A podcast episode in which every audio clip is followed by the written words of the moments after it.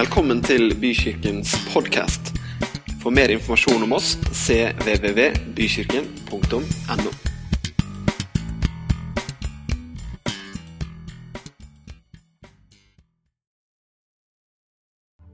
Dere, det er en stor glede for meg å ønske dagens predikant velkommen.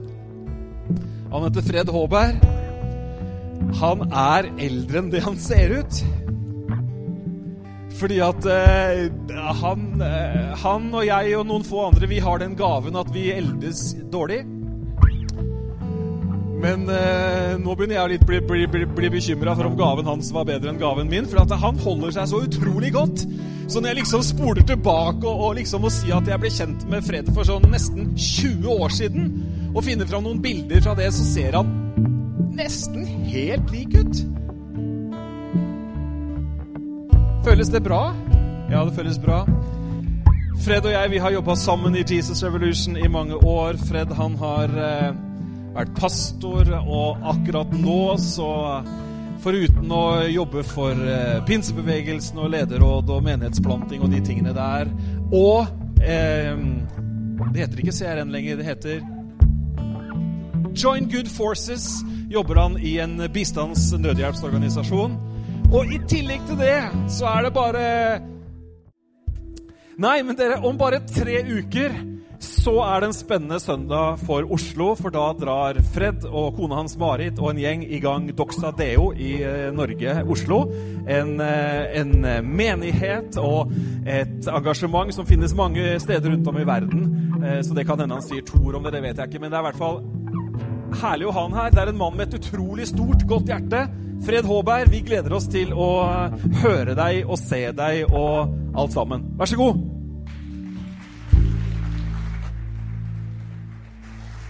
Ja, ja. God morgen. God morgen, morgen. Det er bare på avstand jeg ser ung ut, skjønner du. Kom litt nærmere, så ser du at uh, det er nok av rynker som forteller om uh, et langt liv. Og eh, lurer du, så fyller jeg 48 i år, da. Så slipper du å lure. Du, tusen takk, Bent Ove, og kjekt å være her. Gøy å få se dere der i halvskyggen her. Jeg vet ikke om det er sånn at man pleier å skru, på mer lys når man skal tale, eller jeg kan jo bare gå litt lenger fram. Eh, veldig gøy. Vi skal legge et bilde på skjermen og kjøre ganske kjapt i gang. Jeg skjønner Her er det sånn at etter en visst antall ord så går mikrofonen av. Så jeg får prøve å bruke de på det jeg skal. Så eh, kjempefint. Mind the gap. Har du vært i London noen gang? Har du sittet på uh, Underground? Klarer du å gjenta det? Skal du si hva de sier? Ja, litt til. Mind the gap between the train and the platform. Har vi ikke vet det? Jo da. Alltid i London så sier de 'mind the gap between the train and the platform'. Og Har du vært der, så har du sikkert fått med den. I Norge så er det også noen svære gap. Jeg tar T-banen stort sett hjem fra Nationaltheatret hver dag. Og eh, på norsk så blir det litt mer sånn den der eh, Husk gapen. Og Poenget er jo at man da ikke skal falle ned imellom. da. Men Mind the Gap er jo en litt finurlig tittel. For jeg forsto på Bent Ove at uh, dere jobber litt med det som skjer her oppe. Mind. Altså i sinnet. Og um, det fins mange ulike uh, gap som man fort kan bli minnet på Hele den religiøse verden er jo full av egentlig påminnelser om at ja da, det er et ganske stort gap mellom det du burde vært, og det du er. Eller du, sånn du skulle ha levd, og kanskje sånn du lever. Den religiøse verden påminner alltid om dette gapet. Gud er liksom så høyt, og du er så lavt. og Det gode det er så langt fram. Men det er ikke den type gap vi skal påminne hverandre om i dag. Det er et litt mer finurlig grep. Jeg vet ikke om jeg klarer å få deg med. Mulig at Hvis du er litt sånn trøtt og sto litt tidlig opp og tenker at endelig har liksom formiddagsblunden kommet, så, um, så kan denne talen hjelpe deg å sovne fort. For den er litt sånn, Du må tenke litt. Eh, for det gapet som vi skal være obs på, det er faktisk et gap i vårt eget tankeliv.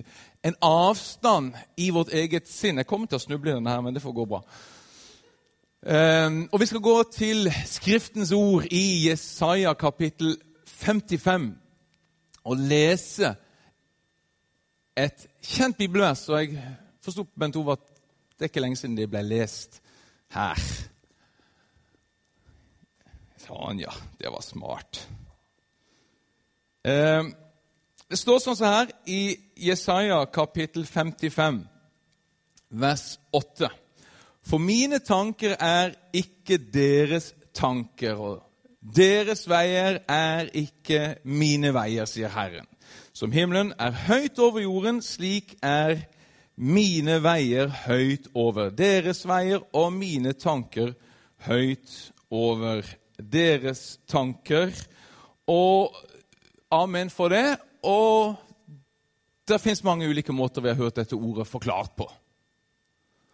Altså, Når noe dumt har skjedd som man ikke skjønte, så hender det at man hører som en slags trøst at ja, ja, Guds tanker de er liksom så høye og uransakelige at vi får bare slå oss til ro. Det, de er jo himmelhøyt over våre tanker, og vår lille hjerne klarer ikke å fatte hans store planer. Og det er jo sant. Eller man kan uh, si som jeg hørte Bent Ove sa, at jo, det var jo liksom de ugudeliges tanker og Guds tanker som det var et stort gap mellom. I dag skal jeg ha en annen innfallsvinkel. Jeg skal bruke et eksempel fra eget liv. Fordi at uh, du vet at jeg har vært gift i over 25 år. 26 faktisk over det. og Jeg satt sammen med mine foreldre var nede på lista en liten tur, og de har vært gift jeg tror det var sånn 54 år. eller noe sånt der, og Ganske fint å merke at fortsatt er det noe som skaper litt gnisninger. Jeg skal ikke utlevere mine foreldre, men de begynner å bli godt voksne. 87 er far, og min mor blir 80 rett over jul, eller på nyåret. Så sier mamma ja, ja, når jeg sier sånn der, så, så skjønner ikke du hva jeg sier, sier hun til far min. Du forstår ikke hva jeg mener. Hallo, hvor lenge har de vært gift, liksom? Hallo, hvor lenge har man praktisert? Men nok om de. Jeg kan bruke meg sjøl. Ikke mange dager siden. Jeg hadde vært på en greie med den der nye jobben. Join Good Forces. Det var fundraisingskonferanse. Slitt litt med å helt skjønne hvem jeg er nå, for jeg har jo vært pastor og greier. og det var jo en måte å leve på, tenke på og fungere på som jeg begynte å bli vant med. Og så har jeg hatt et par år hvor jeg ikke har hatt den klassisk typiske pastorrollen. Det kan være endring på det snart. Så jeg var på fundraisingskonferanse for å lære å samle inn penger til det vi holder på med. Og eh, jeg kjente meg tom når jeg kom hjem den kvelden. Hvem er jeg? Hvorfor er jeg her i Oslo? Jeg føler meg ensom. Hadde den gnagende følelsen min jeg kom hjem og liksom sto skrevet utenpå meg, syns jeg da at Marit, nå må du gi meg oppmerksomhet her. Jeg trenger litt, litt sånn omsorg.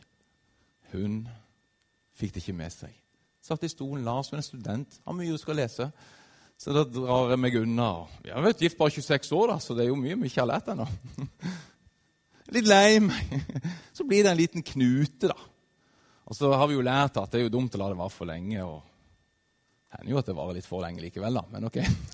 Så vi prøver oss der i senga når vi skal sove, og liksom løsne opp denne knuten. og Så prøver jeg å komme med en uttalelse. Ja, du vet at uh, liksom, Og så gjengir jeg hennes tanker, sånn som jeg oppfatter de. Ja, for du vil jo bare at jeg skal liksom alltid være på topp, og når jeg har det vanskelig, vet du, så da får ikke du det med Utrolig sånn kjipt greie, da. med. Ja, for, for, for, for det, det, du tenker om meg, er jo at uh, Ikke sant? Og så korrigerer hun og sier nei. Dine tanker om jeg tenker, er ikke mine tanker. Det du tror jeg tenker, er faktisk ikke sånn jeg tenker. Og sånn som du prøver å framstille min handlemåte, er faktisk ikke den handlemåten som jeg gjenkjenner. Ja, Vi fikk løsna knuten, da. Jeg vet ikke om det var den kvelden, men det var neste morgen. men... Og det er konteksten denne uttalelsen fra Gud står i. Poenget er ikke først og fremst å si at ja, ja, dumme mennesker, liksom. De skjønner jo ingenting. Ja, mener liksom Visdommen er jo som et frø i forhold til min Nei, det er ikke det som er poenget.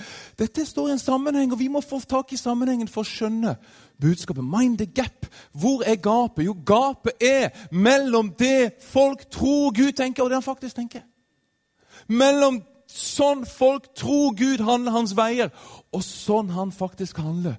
Og fordi at det hadde konsekvens for folket deres indre, deres tanker, deres eh, liksom readiness, klarhet til å bevege seg, så var det viktig for Gud å adressere det. Og da er jo mitt spørsmål til deg Er det noe gap som vi trenger bare være mindful of, oppmerksom på, når det gjelder ting som skjer inni vårt hode, om hva vi tenker, om hva Gud tenker om oss, i forhold til hva han faktisk tenker? For sånn vi tenker om hvordan Gud tenker, påvirker ganske mange ting i livet vårt. Mind the gap. Er vi våkne så langt?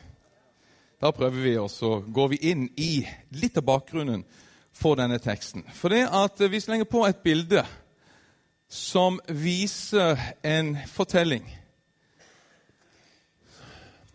Dette kalles alle fortellingers eh, Eller ikke mor, men det er en slags arketype. Det er selve grunnstrukturen for hvordan europeiske eller vestlige folk tenker den fortellingen skal være. Dette er den fortellingen som vi lærte på fundraisingskurs at vi må fortelle hvis vi skal få penger av folk.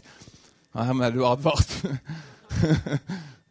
og Så sa de at det er Askepott-fortellingen og så er det Det Nytestamentets fortelling. Og de ligner, sa de. Ja, men Det er greit, men det er også en gammeltestamentlig fortelling som også ligner. Fordi at det er noe som skjer med den som egentlig ill fortune, altså som er i en dårlig tilstand. Som ikke har det bra, som har Ja, han er uheldig, eller hva man sier. Og så begynner heldigvis ting å bygge seg opp. Og Vi kjenner Askepott-fortellingen, og så plutselig så går hun fra asken til ballet. Og alt tar av. Men så kommer det en smell. Ja, Jesus var jo litt sånn, da. Født i en stall. Ringekår. Men det bedra seg etter hvert.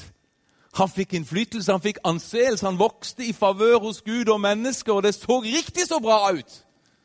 Og folk ble gira. Og til slutt så ble det palmesus og hyllingsrop og konge, konge. Og disiplene tenkte we are part of this. Og så kommer smellen. Kjenner du historien? Den historien skjer også blant oss mennesker. Det går liksom til himmels, kan man føle. Av og til så er det liksom flow. Det skjer ting. Man opplever at nå, endelig. Og så hender det at det kommer en smell. Og Det er utrolig hvor kjapt det går an å være liksom tilbake. Eller hvor kjapt det går an å bli revet ut av dette som var på gang. Og jeg sier at den, Neste bilde viser at denne historien den fins også i Det gamle testamentet. Ja, Det er nesten som at den er symptomatisk for Guds og menneskenes relasjon, eller hva som har skjedd. Det begynte jo i Egypt. Det begynte enda før, men vi hopper inn i Egypt. De var i fangenskap. Dette er historien om Israels folk som hadde et trasig liv. De var ikke i asken, men de var i murbruddstøvet og halmen.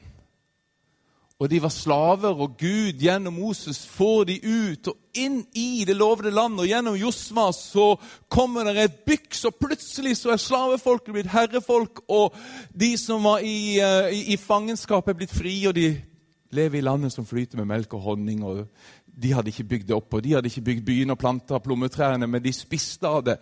Og det var liksom et bilde på frelse. Nåde. Ufortjent. De fikk det.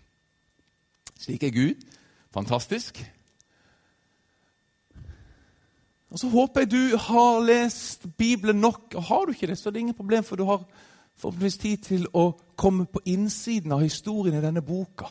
Kan jeg bare si sånn, in, sånn i forbifarten at dette er ikke en samling mannakorn kun. Dette er ikke bare et stykke liksom, bokverk som er klippet opp i små deler og lagt i en sånn gullboks, så du kan trekke et sånt favorite for hver dag. Er det det eneste du gjør, så går du glipp av kolossalt mye.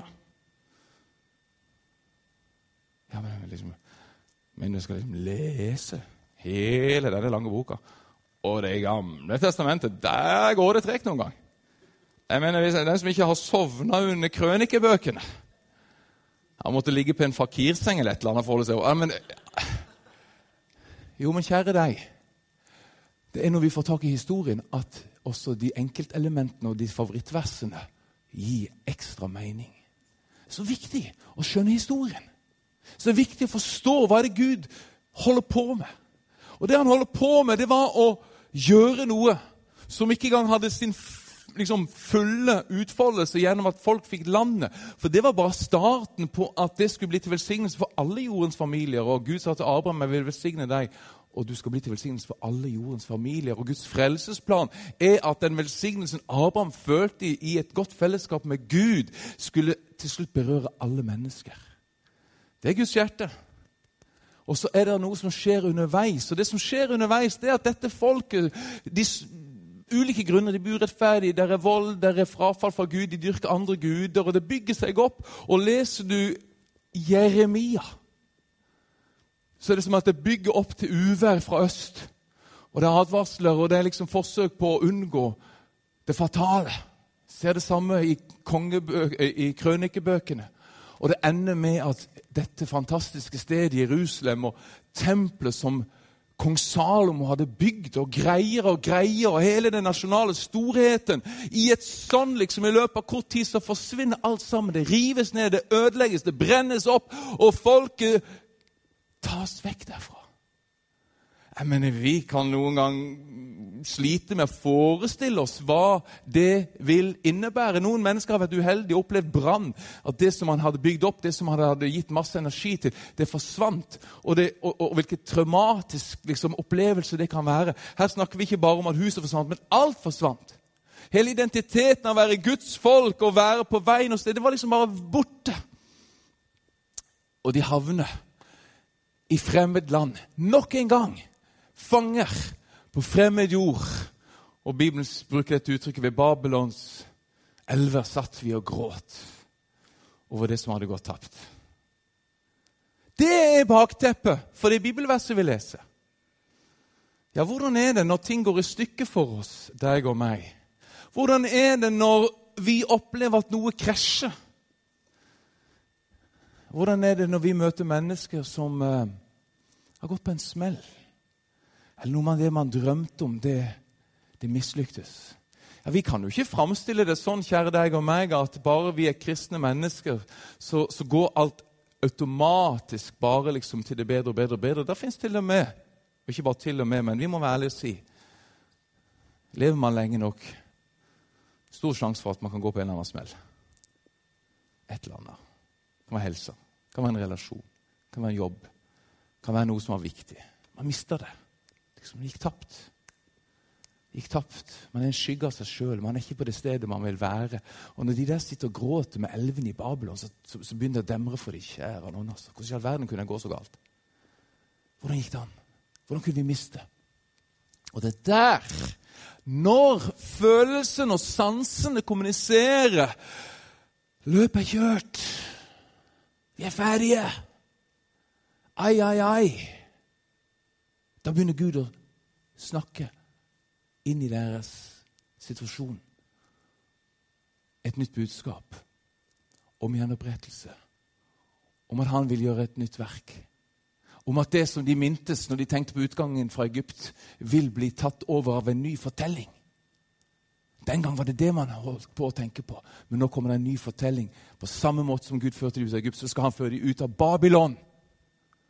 Og Jesaja kapittel 40 Jeg håper du har fått liksom tak på bare den viktige forståelsen at fra kapittel 40 i Jesaja så er vi i eksiltiden. Rent tematisk. Vi er der at folket som sitter nederst liksom på den linja, blir adressert av Gud, og Gud sier i kapittel 40 i Jesaja, vers 1.: Trøst! Trøst mitt folk, sier deres Gud. Tal til Jerusalems hjerte og rop til henne at hennes strid er fullført, at hennes skyld er betalt, at hun har fått dobbelt fra Herrens hånd for alle sine synder, og nå er det rydd vei i ødemarken. Lag det klart for disse å begynne på reisen tilbake. Og hele dette, liksom, denne serien av kapitler fra Jesaja 40 er budskap til et folk som har kommet havna på felgen, som et sted de ikke ville være. Og det står kapittel 48, vers 20.: Dra ut fra Babel, forlat Kaldea. Fortell med jubelrop, la det høres. Bring det ut til jordens ende. Si, Herren har løst ut sin tjener Jakob. De tørstet ikke når han førte dem på øde steder. Vann fra klippen lot han strømme fram for dem. Han kløvde fjell, og vann flommet ut. Dette sier Gud før det har skjedd. Problemet var bare det at det var vanskelig å få tak på det. Ta neste bilde.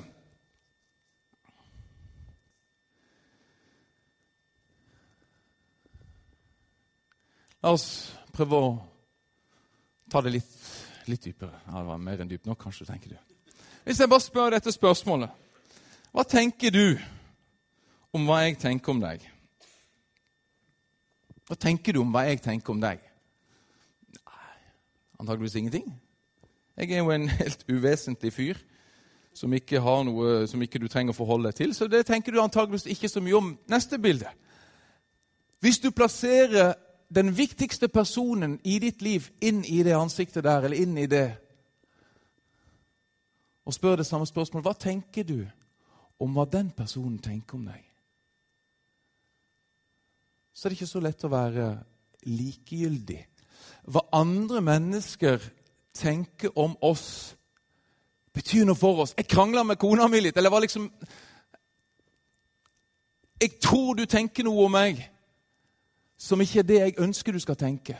Altså Det betyr noe for oss hva mennesker som er rundt oss, tenker om oss.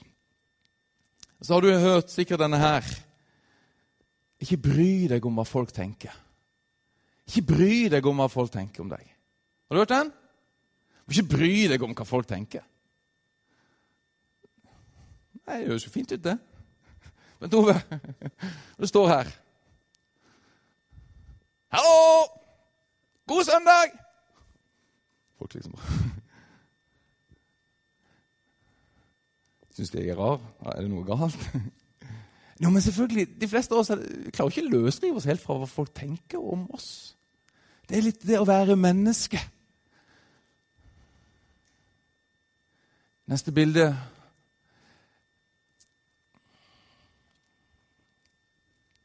Jeg skal ikke si det er en livslov, men av og til er det sånn at eh, hvis noen mennesker som har vært viktige for oss Hvis vi oppfatter at de tenker noe om oss som vi syns er vanskelig Jeg mener, si at man gikk på en smell, da. Bruker mitt eget liv. Jeg var jo pastor i Klippen da, mann. Det var jo fantastisk. Suksessrik og ja, Mye fint å si. Ja, men det, min livserfaring var at jeg kom til en slutt der, og det var ulike grunner til at jeg valgte å slutte. Og Jeg skal ikke prøve å rettferdiggjøre det, men jeg la merke til at det er noe som skjer rent mentalt hvis man oppfatter at det er mange som har tanker om en. Hva tenker de om meg nå? Tenker de at jeg har bare liksom falt ut av Guds kall? Hva tenker folk om meg nå? Og det hva folk tenker, kan bli så viktig for oss at den eneste måten å liksom komme seg ut av det er å si at 'jeg bryr meg ikke om de der'. Jeg gidder ikke bry meg om de der folka der. At du devaluerer folk. Det kan fort skje. At folk som har en plass, og hvor vi oppfatter at det de tenker om oss, er noe som vi syns er krevende å forholde oss til, så, så kan det skje at man, man, drar seg unna. Jeg gidder ikke henge med de der folka. Jeg bryr meg ikke om de. Og Derfor så brytes det noen ganger relasjoner i løpet av et liv fordi at vi syns det er vanskelig å leve med at vi føler at mennesker tenker ting om oss som, som, på en måte plasserer oss. Ja, det var han det. Det var han det som uh, fikk en dom. Det var hun det som, uh, som uh, havna i, inkasso, liksom. Og så kan de tankene om hva folk tenker om oss liksom, Det er vanskelig å fri seg fra dem, og da blir det lett at nei, vi dropper de folk. Jeg gidder ikke ha med de å gjøre, flytte eller gjøre et eller annet. Men samtidig så er det en fin påminnelse at det å devaluere folk gjør ikke deg større. Det er ikke den måten Gud har for oss. Gå tilbake til historien om Askepott. Poenget er å si det at når Gud taler disse ordene, så taler han til folk som opplever å være nede. Og når man er nede, når ting ikke er enkelt, så bombarderes vårt tankeliv med mange ulike følelser. Og En ting er å si til deg ja, du, pass på at det ikke blir et gap i tankelivet ditt mellom hva du tror Gud tenker om deg, og hva han faktisk gjør. Når ting går greit, så er ikke det et problem. Når ditt liv følger det spor du ønsker, når du liksom syns det går bra, og du er ganske fornøyd med ditt kristne liv og ditt liv som familiefar eller familiemor, så er det ikke noe problem. Da trenger du ikke være så oppsatt på å passe på at det ikke blir en avstand. Men når livet får seg en smell, eller når det er noe som ikke ble som man ville, eller når noe gikk galt, da oppstår fort et gap. Og israelsfolket de satt i en situasjon hvor alt rundt de bombarderte de med en viss type input. Og kjære deg, Jeg kjenner jo ikke deg i det hele tatt. Jeg aner ikke hvor ditt liv er. Men neste bilde viser noe av kanskje det som på mange måter kan være tragisk også med å være menneske. Det er ansvarsfullt å være menneske. Det er noen ganger vanskelig å være menneske. For vi har sikkert samme ideal at vi skal ikke tillate å komme i en situasjon hvor vi forklarer hvor vi er, med hva andre folk har gjort mot oss. Eller hva andre har tenkt om oss. Ingen av oss har lyst til å komme der at i stedet for å være en aktør som kan ta valg og handle ut ifra hva vi vet er best, så blir fortellingen vår en fortelling om andre menneskers handlemåter. Kjære deg og meg. I'm no idea. Jeg vet ikke om jeg snakket med noen i rommet. Men det er klart, skulle vårt liv dra seg over til å bli en mer sånn der Vi føler oss som en brikke. Jeg er der jeg er fordi at han og hun og sånn og sånn. Jeg har en ditt og datt rundt meg som sånn og sånn. Og så blir forklaringen på vår tilstand det blir noe eksternt. Det er egentlig et ganske ulykkelig sted å være.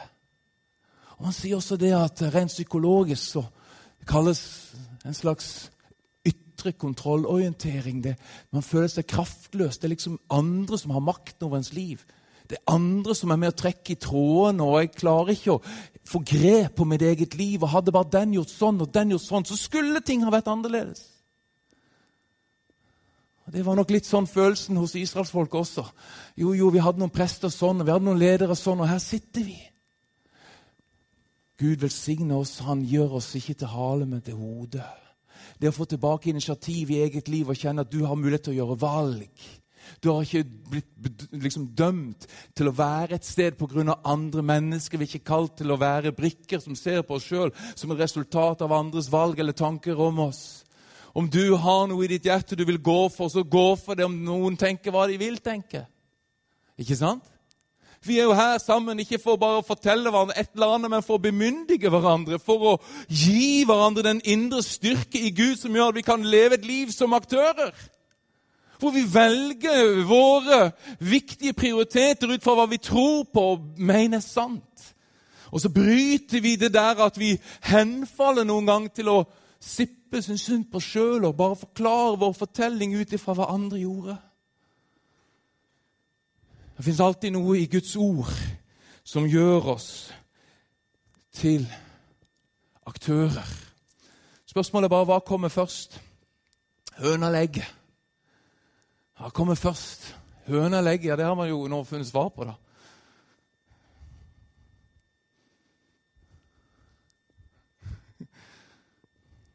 Ja, hva var det? For så er det helt uinteressant nå.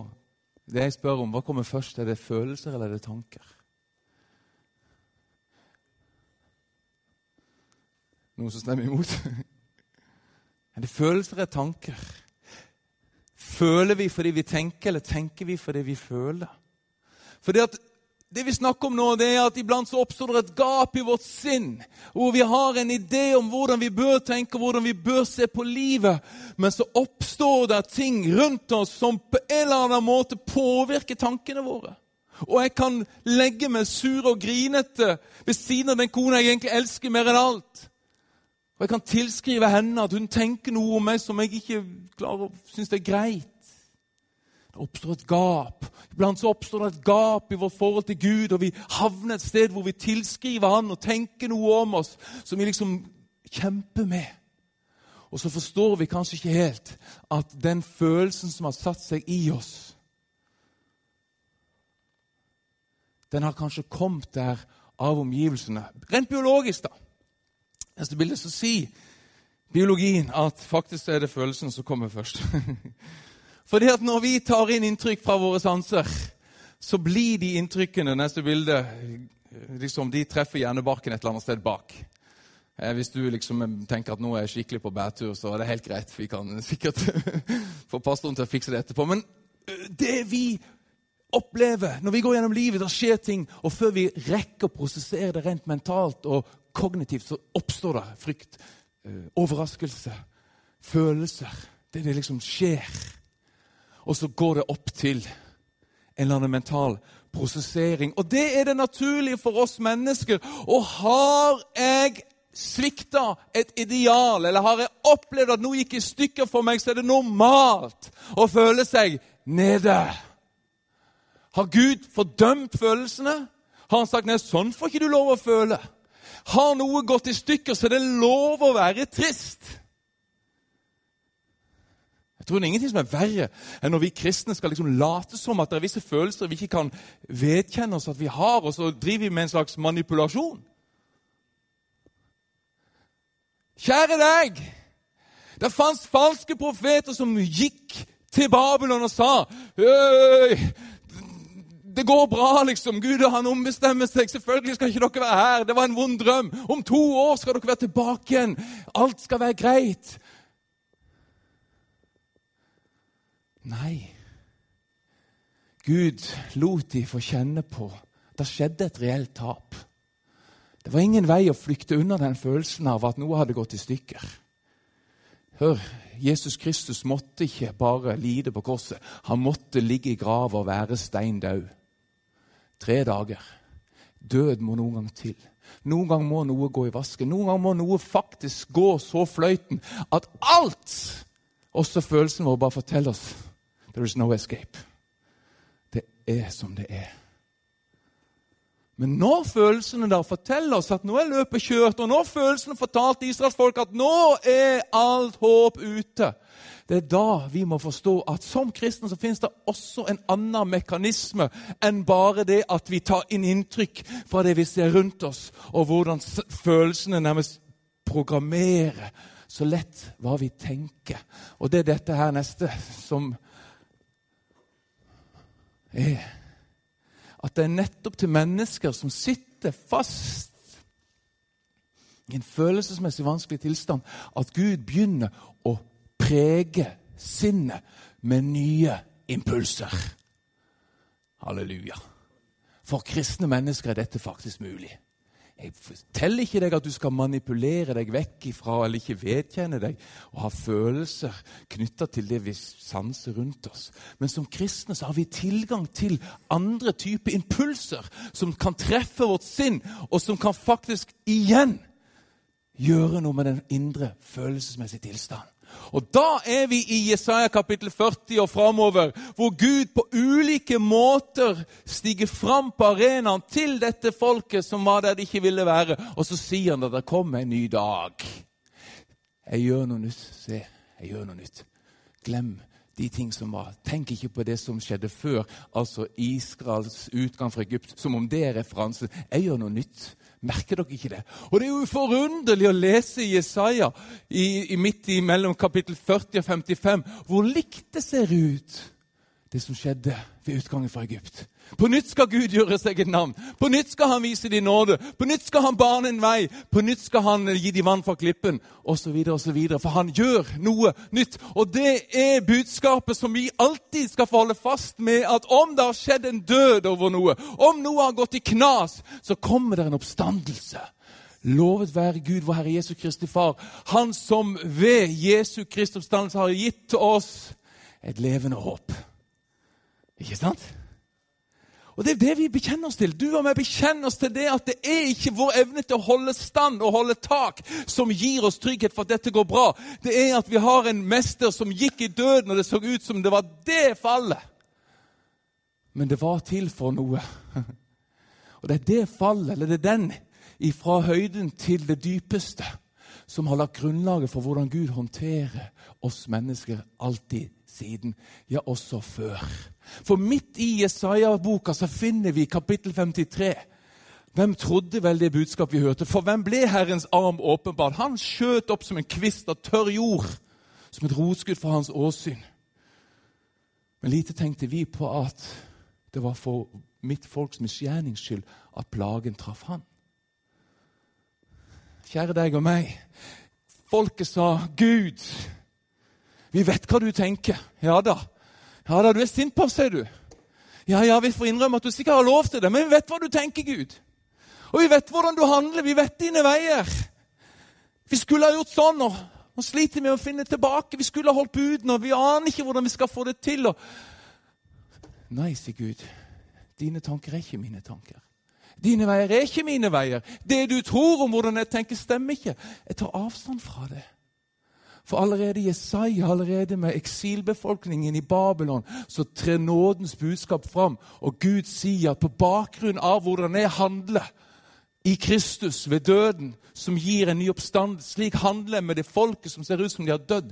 Og så er historien at det var faktisk i Babylon, at i eksilet Det var der identiteten som Guds folk gjenoppsto. Det var der liksom skrifter ble samla. Det var der man fikk behov for å få tak på hva Guds ord hadde sagt til dem. Løftene. Og så fødtes det fram noe nytt. Amen. Du har sett hvor trasig ditt eller mitt liv måtte være nå. Det kom en oppstandelse. Kjære deg. Det kom en oppstandelse. Noe skal spire fram. Men i sinnet vårt oppstår det så lett et gap. Så trenger vi ikke fortelle dramatiske livsfortellinger.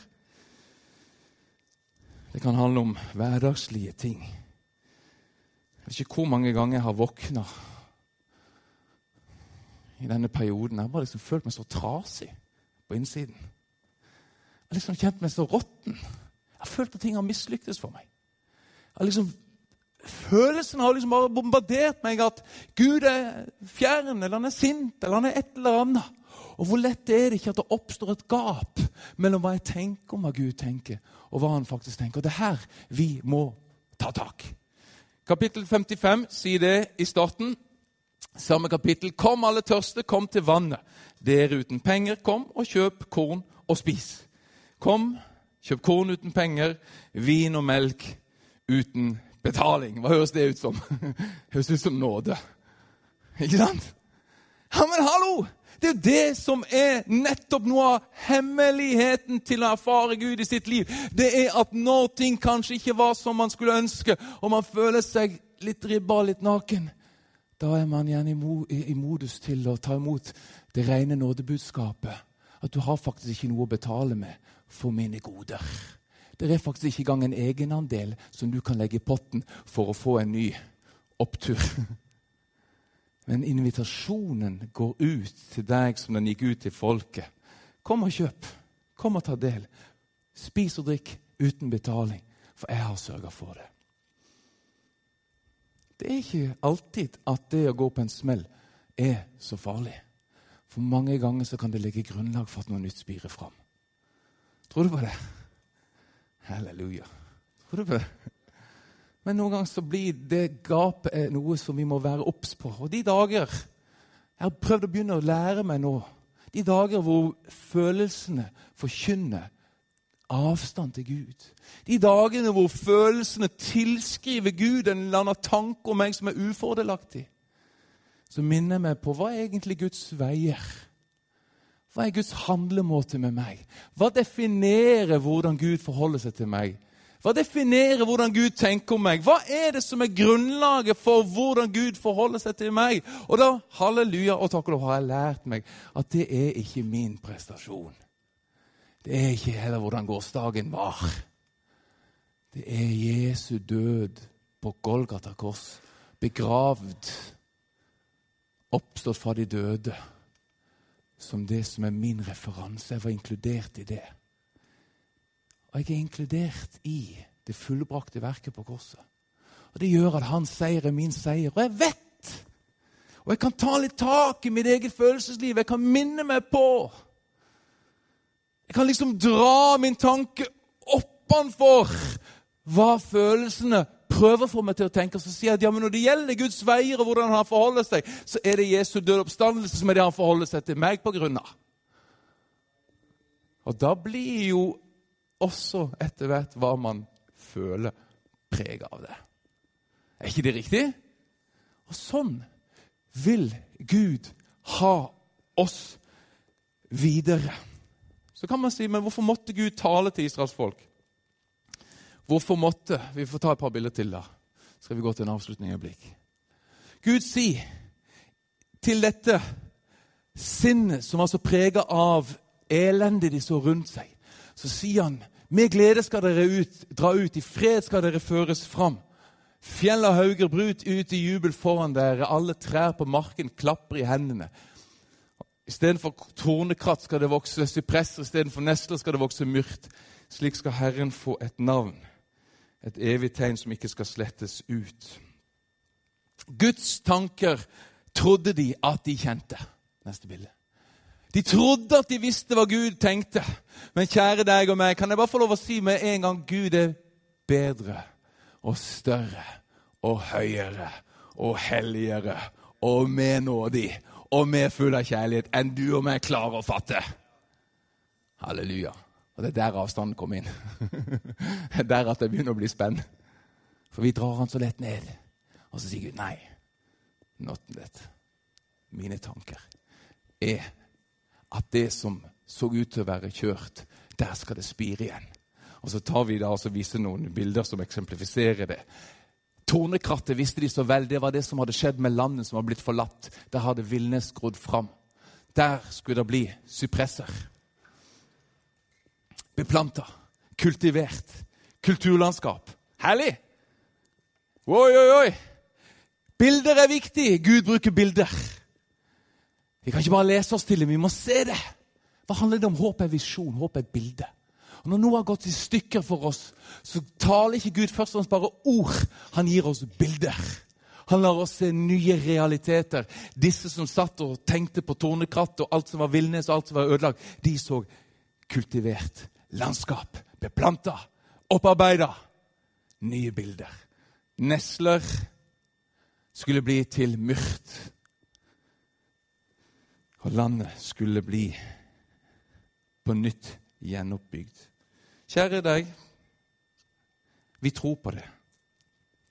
Vi tror på det ordet som sier at Gud har tanker for oss. Vi tar den siste, så skal vi avslutte med den. Gud har tanker for deg og meg som er fredstanker. Bare fram til siste bilde. Han har fredstanker. Og Når vi snakker om sinnets fornyelse, så handler det mange ganger nettopp om dette. Bare å være obs på at det er så lett at det er det som skjer i følelseslivet og sanse, det vi sanser, som påvirker hva vi tenker om Gud. Og Gud han sier nei. Diskvalifisert. Din tanke om meg er diskvalifisert, den stemmer ikke. Mine tanker er ikke dine tanker om meg.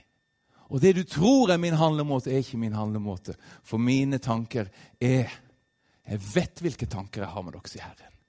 Det er fredstanker og ikke tanker til ulykke. Jeg vil gi dere framtid og håp. Han sier det til de som havna i eksil. Men de ble ført tilbake, og de ble gjenoppretta, og de ble gjenoppreist. Amen. Og Derfor du meg Gud er mektig, men han vil ha oss med på lag. Han vil at dette ordet han sender, skal få være som dette vannet som, regner som, som kommer og vanner jorda, som gir en produce, gir en, en, en, en høst. Og Det er så mye bedre for oss når vi velger å ta til oss dette ordet inn i vårt sinn. For da får det hele kroppen til å etter hvert produsere frukter som stemmer overens med Guds ord. Er det bra? Mind the gap. Og En av de måter vi gjør det på, det er å ta til oss hans nådefulle hilsninger profetisk inn i våre liv. Og når vi gjør det, så spirer det fram noe som gjør at etter hvert så blir vi klare til å dra ut fra der vi satt. Israel drog ut. De kom tilbake. De var med å gjenoppbygge, og det ble en herlig framtid. Tror vi på det? Jeg tror på en hellig framtid for ditt liv. Kjære deg og meg. Jeg aner ikke hvem du er, eller hva du har vært igjennom, men nå bare takker vi Jesus. Takk, far, for det som du gjør. Takk for din nåde. Takk at vi kan legge denne stund, denne dag, i din hånd. Og bare priser deg for gjenoppretta drømmer, gjenoppretta forventning. Takk, Herre, for at du har noe godt for hver eneste person.